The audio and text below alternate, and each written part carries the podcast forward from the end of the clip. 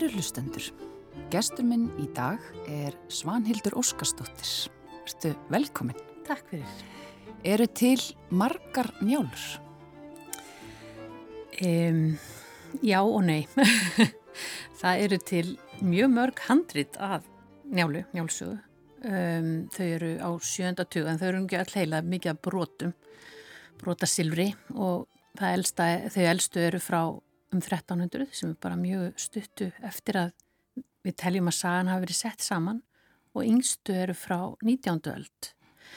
Og það er munur á milli, texta, munur á textanum í þessum handritum en hins vegar þá eh, segja nú alltaf hérna þegar ég er að útskýra þetta það er ekkert sem breyti því að Bergþórskvörl brennur alltaf. Þannig að sagan sjálf í rauninni sko, heldur sér algjörlega og það er, maður getur líka sagt fyrir svona langa sög þá eru ótrúlega litlar breytingar. En uh, breytingarnar eru samt áhugaverðar og þær eru um, að einhverju leiti kannski svolítið faldar, þar að segja við þekkjum, þær eru ekki mjög vel þekktar en við, eh, ég, ég og kollega mínir fórum á stað með verkefni þar sem okkur langaði til þess að, að skoða þetta eins betur mm. og fara þá í rauninni ofan í eh, eða í fótspor fyrir fræðimanna sko í rauninni fyrsta svona mjög fyrsta svona mjög ítarlega eða vísindarlega útgáfan í álu var gerða á 19. öll, það var Konrad Gíslason og Erikur Jónsson sem gerði hana og þeir skoðiðu öll skinnhandritin og gerðu ótrúlega í rauninni merkilega útgáfu og sem að eh, veitti í rauninni insýn inn í þennan breytileika en uh, það kannski ekki, að, voru ekki aðstæði til að setja það fram á, í, bó, í bókarformi svo, með svo aðgengilegum hætti, það er bara rosalega mikið að neðamálskreinum og, og, og það er svona erfitt fyrir fólk að, að sjá eitthvað út úr því. Já. En þeir lenda sérst í því og eins og allir fræðimenn að það er ekkert handrit alveg heilt. Já, einmitt, það er alveg rétt. Það er ekkert Þó... handrit með alla söguna, að þú þarf alltaf að svona einhvern veginn, þetta er einhvern svona bútasöfumur alltaf. Jú, einmitt. Og það, þó erum við mjög heppin að þér njálu varðar að það eru mjög gömul handrit til og þau eru mjög mikið heil. Já, vantar lítið í. Það vantar lítið í að því að það eru aðra sögur sem eru bara mjög erfitt að það er bara stikja saman úr alls konar. Já, mm. en og, og um, Reykjabók sem er eitt af þessum eldstu handritum sem er eitt af þeim sem er ennþá í Uh, það er heiligasta handrítið og hefur oft verið notað sem að undirstaða undir útgáðunar en það mm. vantar samt í hana Já.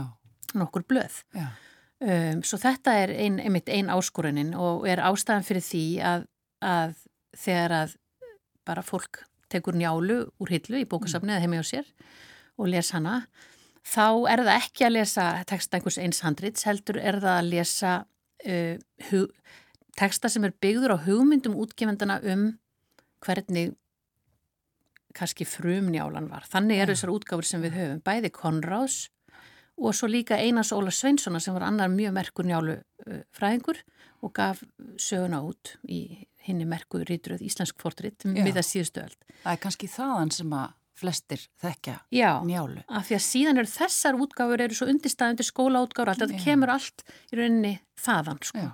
En í þessaru einmitt útgáfu sem hefur breyðist út sem skólaútgáfa vandar ímislegt til dæmis uh, fullt af hvæðum.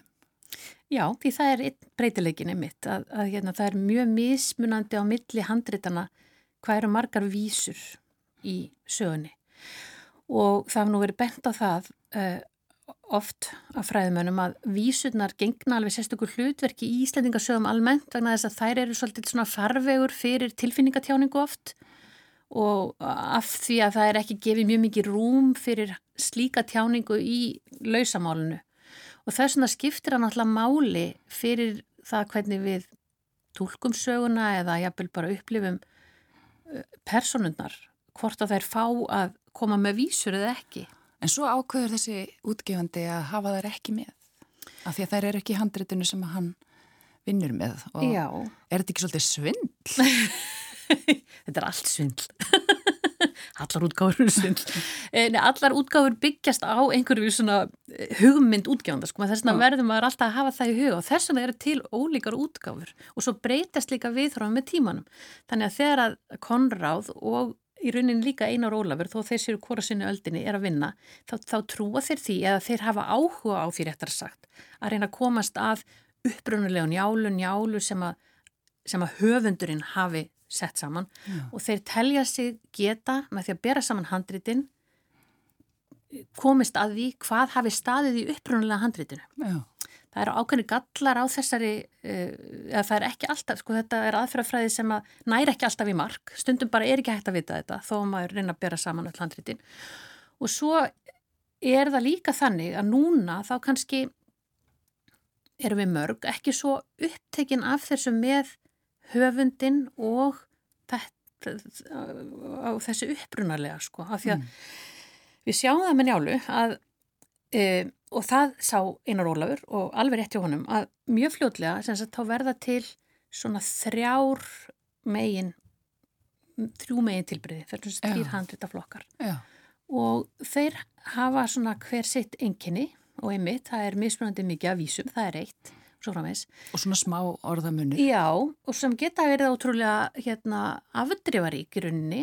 Ég tek ofta dæmi af hérna senunni þar sem að þjóstólur kemur til Hallgerðar uh, og er búin að drepa glúm, annan eiginmann hennar og kannski þann sem að hún elskaði mest.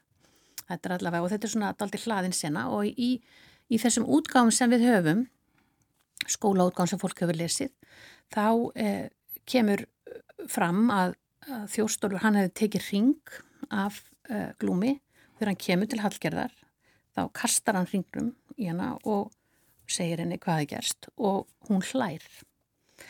Þetta er nú ekki svona í öllum handrítum. Hláturinn er alls ekki alltaf með til dæmis og, og það að kasta hringnum, það er heldur. Þannig að bara þetta... Mm. Þá fáum við einhvern veginn öðruvísi mynd Já, við gerum þannig að og svo, svo þetta skiptir allt saman máli og mér finnst áhugavert að, uh, að mér finnst í rauninni uh, kostur að við skulum hafa kannski þrjár pínulíti mismunandi njálur strax þarna á snemma á 14. öld. Mm. Það sýnir þá einhver, að einhverju leiti uh, ákveðin uh, að skrifarar hafa kannski hnikað uh, sögunni eiliti til og mögulega er það vegna þess að áherendur hafa haft þar einhver áhrif þannig að það er einhvert svona dýnamist samspil þarna í Já. því hvernig sagnana er notið Já. sem að hugsanlega endurspeglast í handritunum. Já.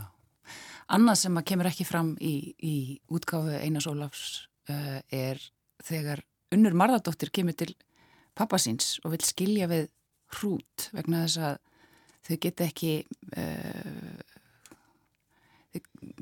hvað segir maður, nú rekum ég vörður Já, ég vil bara segja að samlífið virkar ekki Já, er, hann verður hrættan fyrir einhvers konar bölvun mm -hmm. Þá fer hún með vísur í uh, öðrum handritum Já. og útskýrir þetta fyrir honum í gegnum Einmitt. en þetta lesum við ekki í skólaútgáðunum. Nei, einmitt. Og þetta byrtir svona öðruvísi mynd af þessari konu. Já, það gerir það. Sem svona svolítið eh, einhvern veginn eh, getur tjáð sig og annan hátt. Einmitt.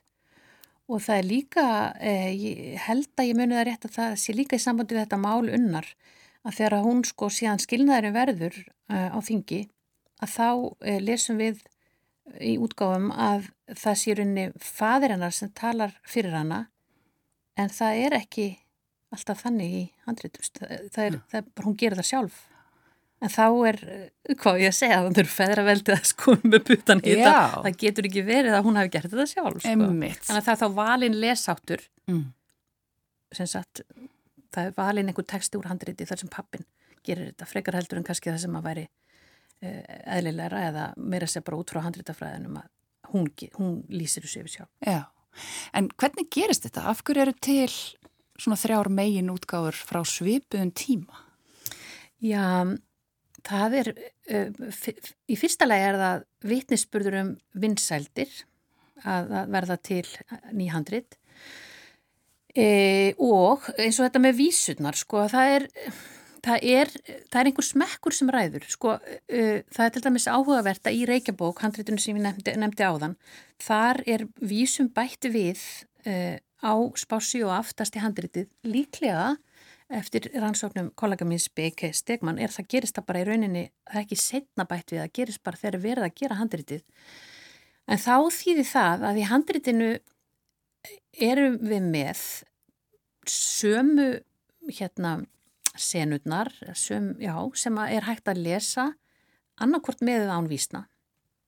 Og, og ef að maður er með vísunar þá myndir maður kannski sleppa lausamálunum en þess að það er stundum bara verið að segja alveg sömu hluti. Já, svona endur orða það sem Já, er í vísunni. Já, einmitt, sko, því það er þá einn möguleikin og þetta eitthvað með, hefur eitthvað með smekka að gera líka. Já. Hvort viltu hafa vísu eða viltu bara segja frá þessu í lausumáli? Já, þá getur þú staðið með handritið og ákveðið. Í rauninni. Hvort þú ætlar að hafa vísuna með ekki já. fyrir þessa áhorvendur. Já, það verður að lesa upp já.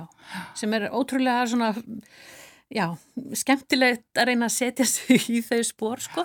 Var þetta sérst lesið alltaf upp? Áræðanlega mikið, já, vegna þess að lestra kunnotta var náttúrulega ekki almenn uh, og þannig að þeir eru verið að skemta með svona löngum sögum þá hafa þeir verið lesnar upp. Já.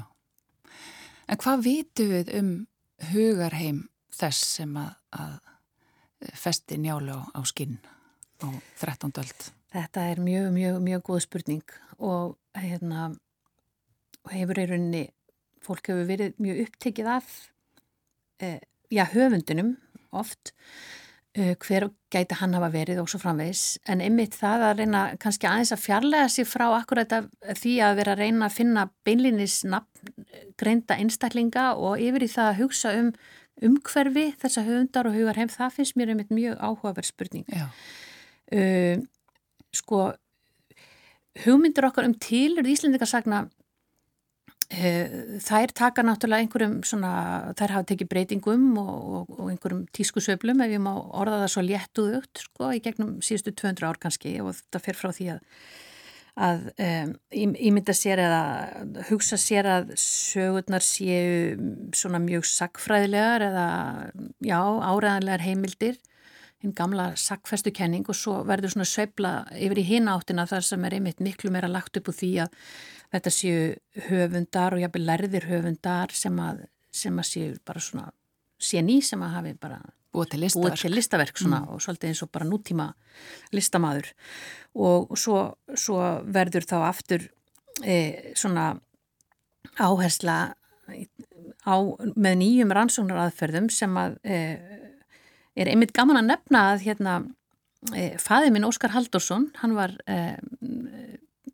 háskóla kennari hér og, og var einn af þeim sem rutu svona ný, nýjum uh, viðhórum braut að þessu leiti, ég lagði áherslu á svona þátt munmæla uh, en jáfnframt útskýrði að með því væri ekki átt við endilega að, að uh, það var ekki verið að snúa aftur til þessara gömlu hugmyndur um að þetta veri bara allt saman sannar sögur heldur bara að munmælin væru hefð sem að væri hluti af þessu umhverfi einmitt sem að höfundar sagnana hræðust í.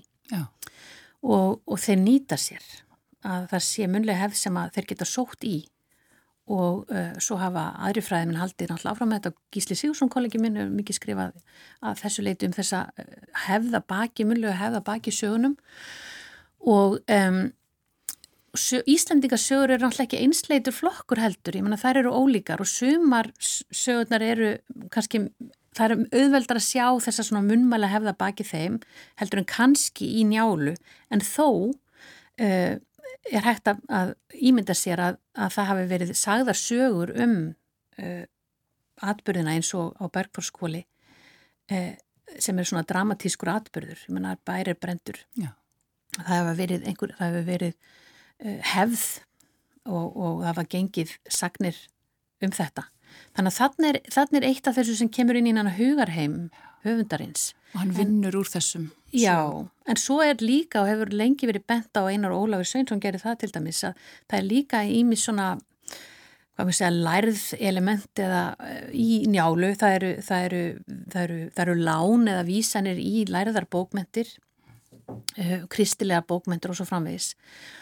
Og um, ég er mjög hrifin af bók sem er eftir uh, breskan fræðimann, englending sem heitir Andrew Hamer sem er komið út fyrir nokkrum árum þar sem hann er svolítið að fara inn í, inn í þetta kristilega baksvið njálu og kannski gengur svolítið lengra heldur en, en, en þeir sem hafa svona bent bara hliðstæður í rítum því hann er einmitt að skilja uh, þennan hugmyndaheim sem að uh, sem að runni kemur einhvern veginn fram í sögunni og hann leggur uh, svolítið upp úr því að reyna að sína hvernig svona ákveðnar ákveðin þemu eins og til dæmis uh, réttlæti og miskun sem er mjög svona miðla í sögunni hvernig það getur verið eða inspirerað af um, af í rauninni, jú biblíunni, kristilegri tólkun hann leggur mikið upp úr því að þarna er hérna, erki engillin mikjál uh, svolítið kemur í rauninni í baksviði sögunar mm.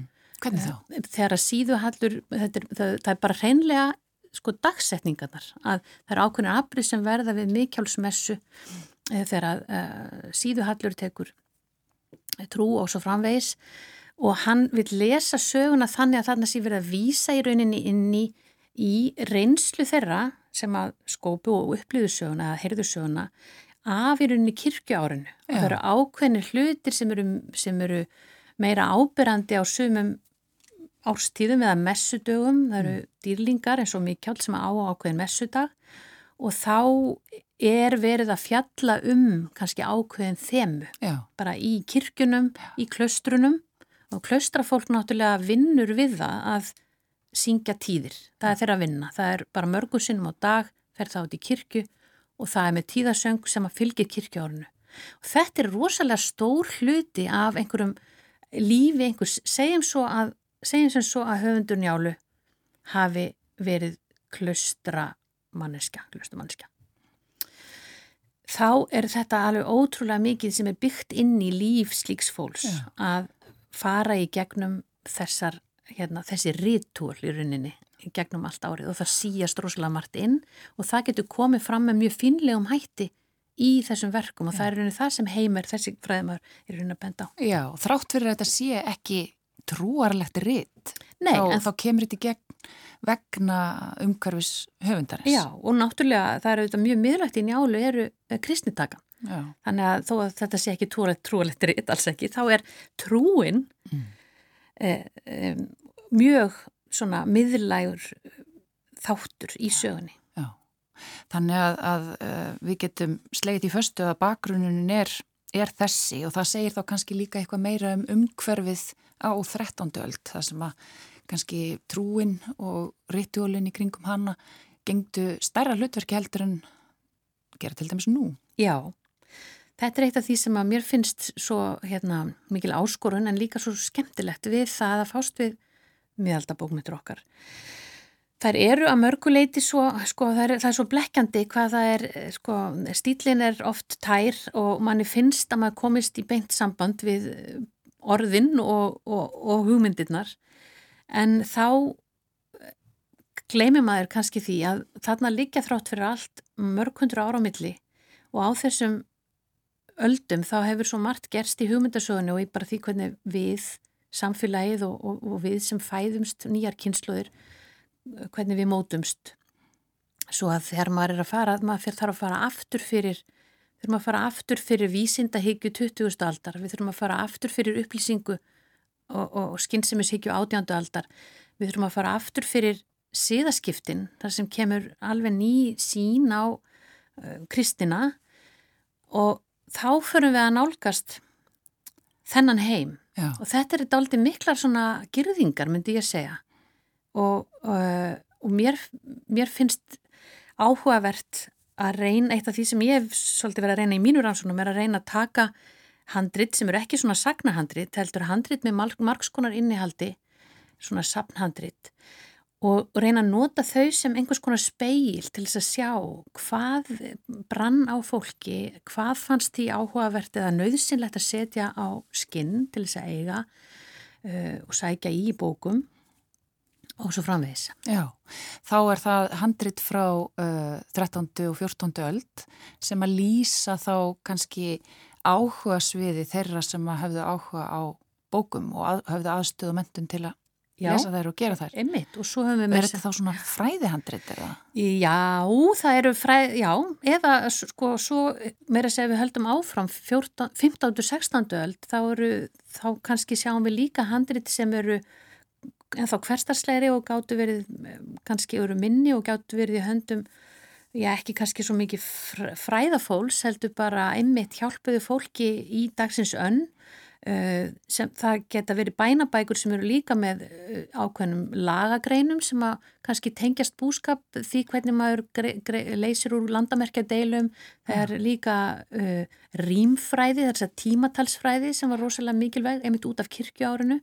Og þetta gæt hérna bara, bara bændur og búa lið mögulega, þau gáttu átt svona bækur sko, en einmitt svo ef við förum aftur í þetta þar sem þú nefnir þetta með fræðiritin og svo framvegs að þá, þá eru, jú, maður ímynda sér að, að, að, að eh, það eru til svona verk eða eh, handrit sem eru svolítið bara eins og lítil bókasöfn. Það er nú eitt frækt dæmi að því er haugsbók sem er kent við Haug Erlandsson lögmann. Mm. Um, það er búið að sapna saman alls konar þekking. Já, þetta er í upphæðu 14. aldar, já, það er búið að sapna saman einmitt uh, kannski landafræði Já.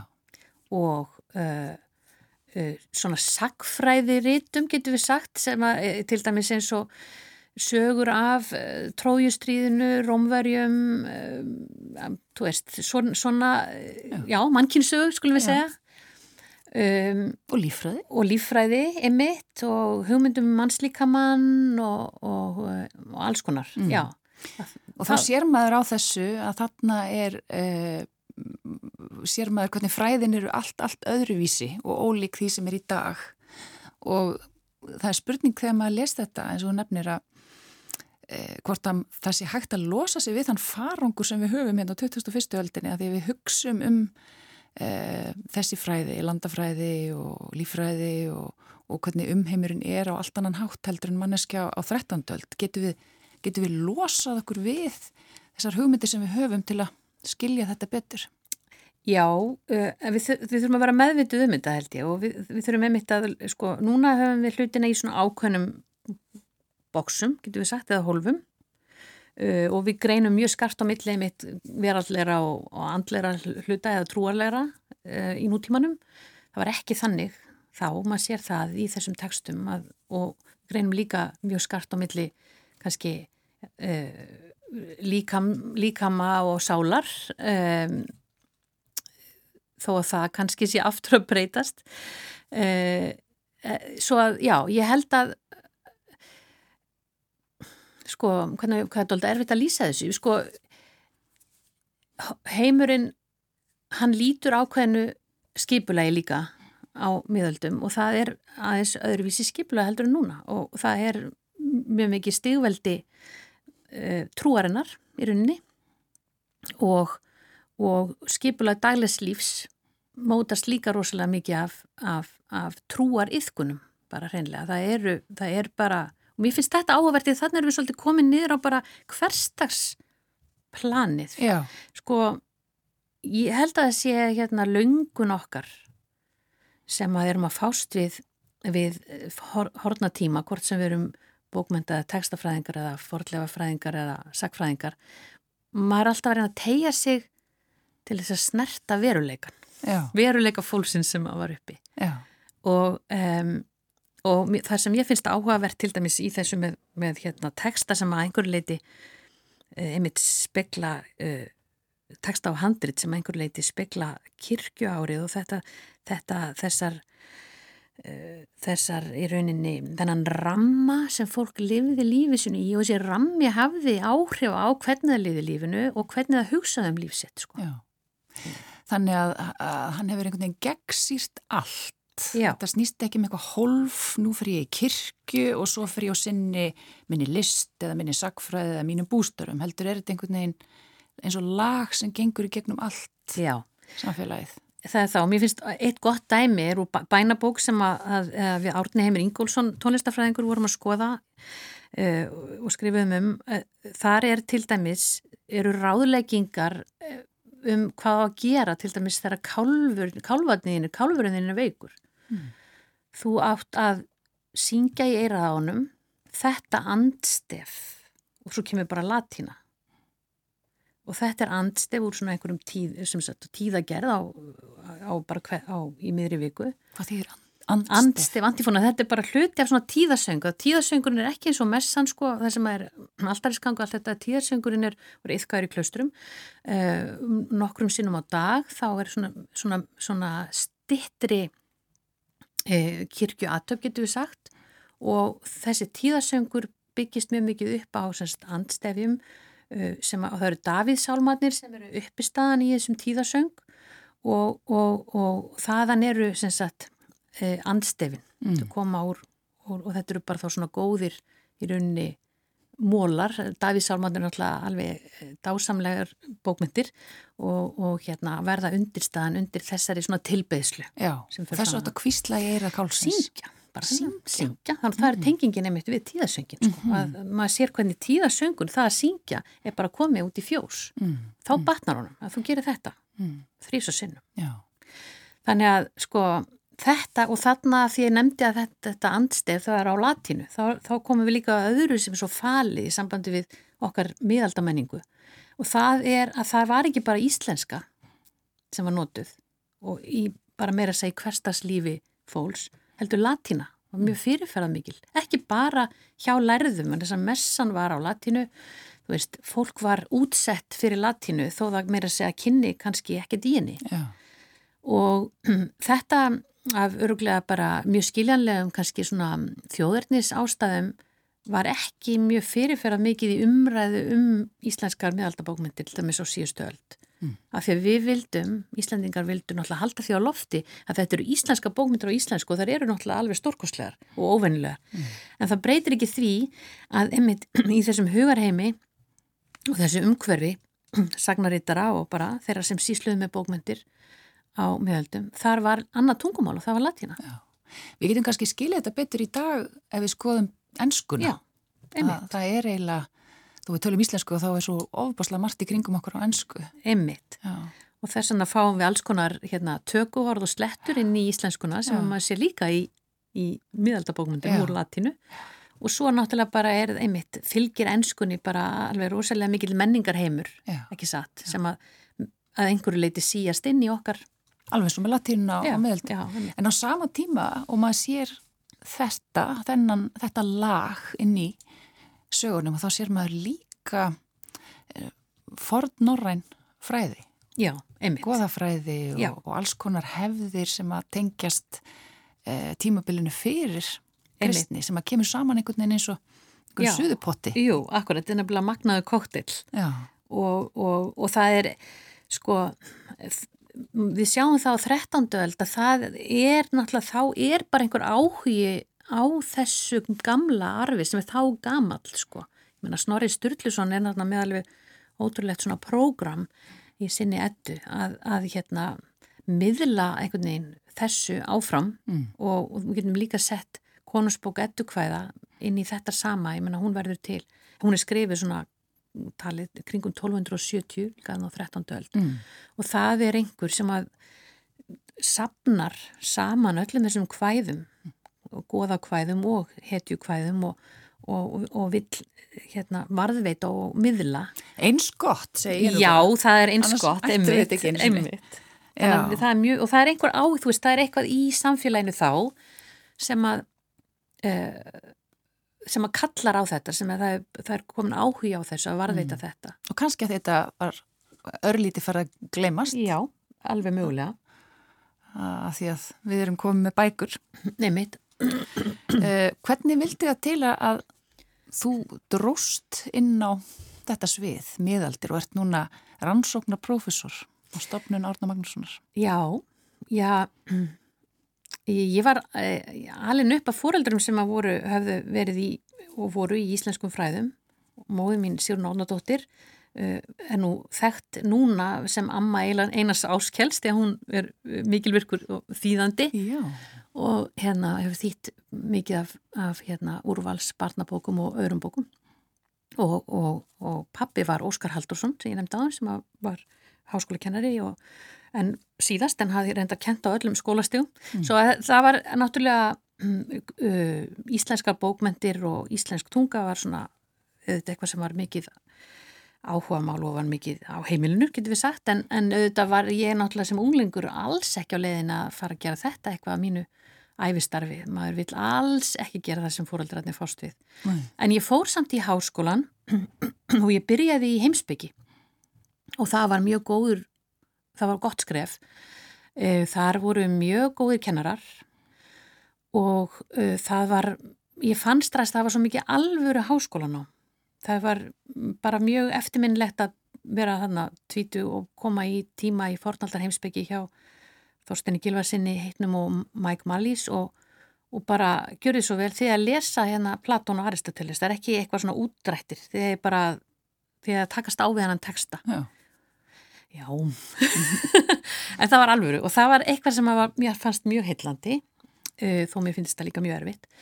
Og svo voru, var ég líka fyrir uh, áhrifum af Gunnari Harðarsinni sem kendi mig líka hann í heimsbygginni uh, og hann er einmitt meðaldafræðingur en ég fann samt að mér langaði að fást við einmitt þá inn í íslenska arf en mér langaði að skoða hann út frá þessum svona í rauninni evrósku miðaldum eða lærdóms Já. svona lærdómspælingum af því að maður náttúrulega hafði orðið var við það það var alltaf verið að rýfast um þú veist, eru einmitt eins og Íslandingasögnar, mm. eru það er íslenska bókmyndir eða er þetta sko, eru erlenda áhrif og þetta var, þetta var mikið umræðin og ég manna sem ungri manneski þá fannst mér ok, til þess að maður geti eitthvað reynda að glöggva sig á þessu þá þarf maður að vita svolítið meira um þessar evrósku miðaldir. Mm. Svo ég fór í framhaldsná í mastersnám til uh, Kanada, til Toronto þar sem ég var einmitt mikið að, ég lærið latínu og, og alls konar kirkjusögu og, og, og svona eitthvað sem var allt um, um þennan evróska heim og síðan um, síðan þegar ég fór svo í doktorsnám sem ég fór, var, ég var í London í því, þá snýr ég mér semst að einu af þessum eh, sapnhandritum sem að eh, er með ímsum svona textum sem eru mikið til þýttir og þá fór ég svona nálgast íslenska heimin aftur. Já. Svo, svo er ég bara búin að síðan hef ég verið hér. Já, þetta hefur sogaði svona tilsýn. En ef þessa myndir eru, hundrað ár síðan faðirðin heitin fættist? Einmitt, hann uh, fættist 1921 og uh, af því tilefni þá einmitt uh, erum við afkomendur hans að hérna taka saman, við gefa út, við erum búin að taka saman greinasafn greinar um bókmyndir, það er bæði um Íslendingar, Íslendingarsögur og líka um ljóðagerð 19. og 20. aldar uh, greinar eftir hann sem sagt, Óskar og uh, sem að hefði Íslenska bókmyndafélag ætlar að gefa út í höst og um, það er svona eitt liður í, hvað maður segja, hátíðahöldum til að, uh, til að uh, minnast hans. Og síðan höfum við líka uh, átt frumkvæða því að, að hljómplata með ljóðalestir hans, hann var nefnilega ekki bara fræðimaður á sviði bókmyndana heldur uh, uh, mikill uppleisari og las mjög mikið hér í útarpinu og það var mitt gaman að fara í gegnum spjaldskráðnar hér til þess að, svona, þess að glöggva sig á því hvað lægi eftir hann og það er, það er heilmikið.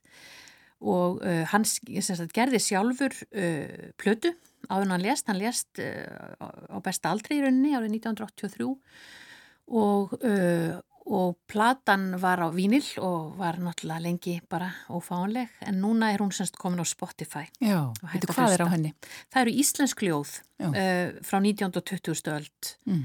uh, Ímis, það er Steit Steinar og, og hérna Hannes Pétursson mm. og Þorstedt frá Hamri og Stefan G. Stefansson og... Hvað heitir þetta?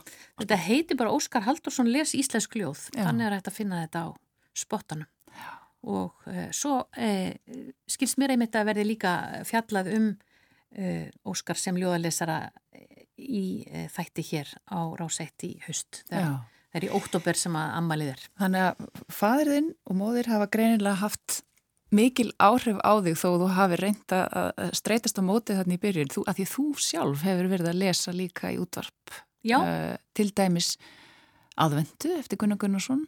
Emitt og Passíusalmanna las ég líka fyrir 20 árum sennilega rúmum, já. já. Já, ég hérna e, var náttúrulega heppin að, að e, pappi kendi mér, sem sagt upplæstur. Hann hafi sjálfur verið nefandi Lárusa Pálssonar, e, þessar rómaða upplæsara.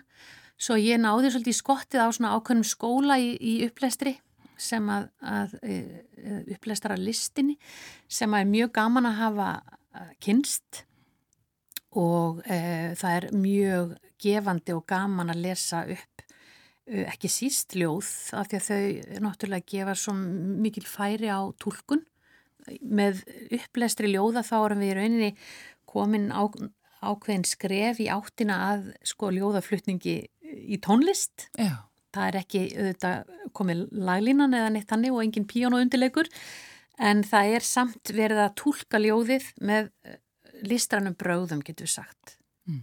og það er mjög skemmtileg list hægt að þjálfa sér í og, og, og fást við.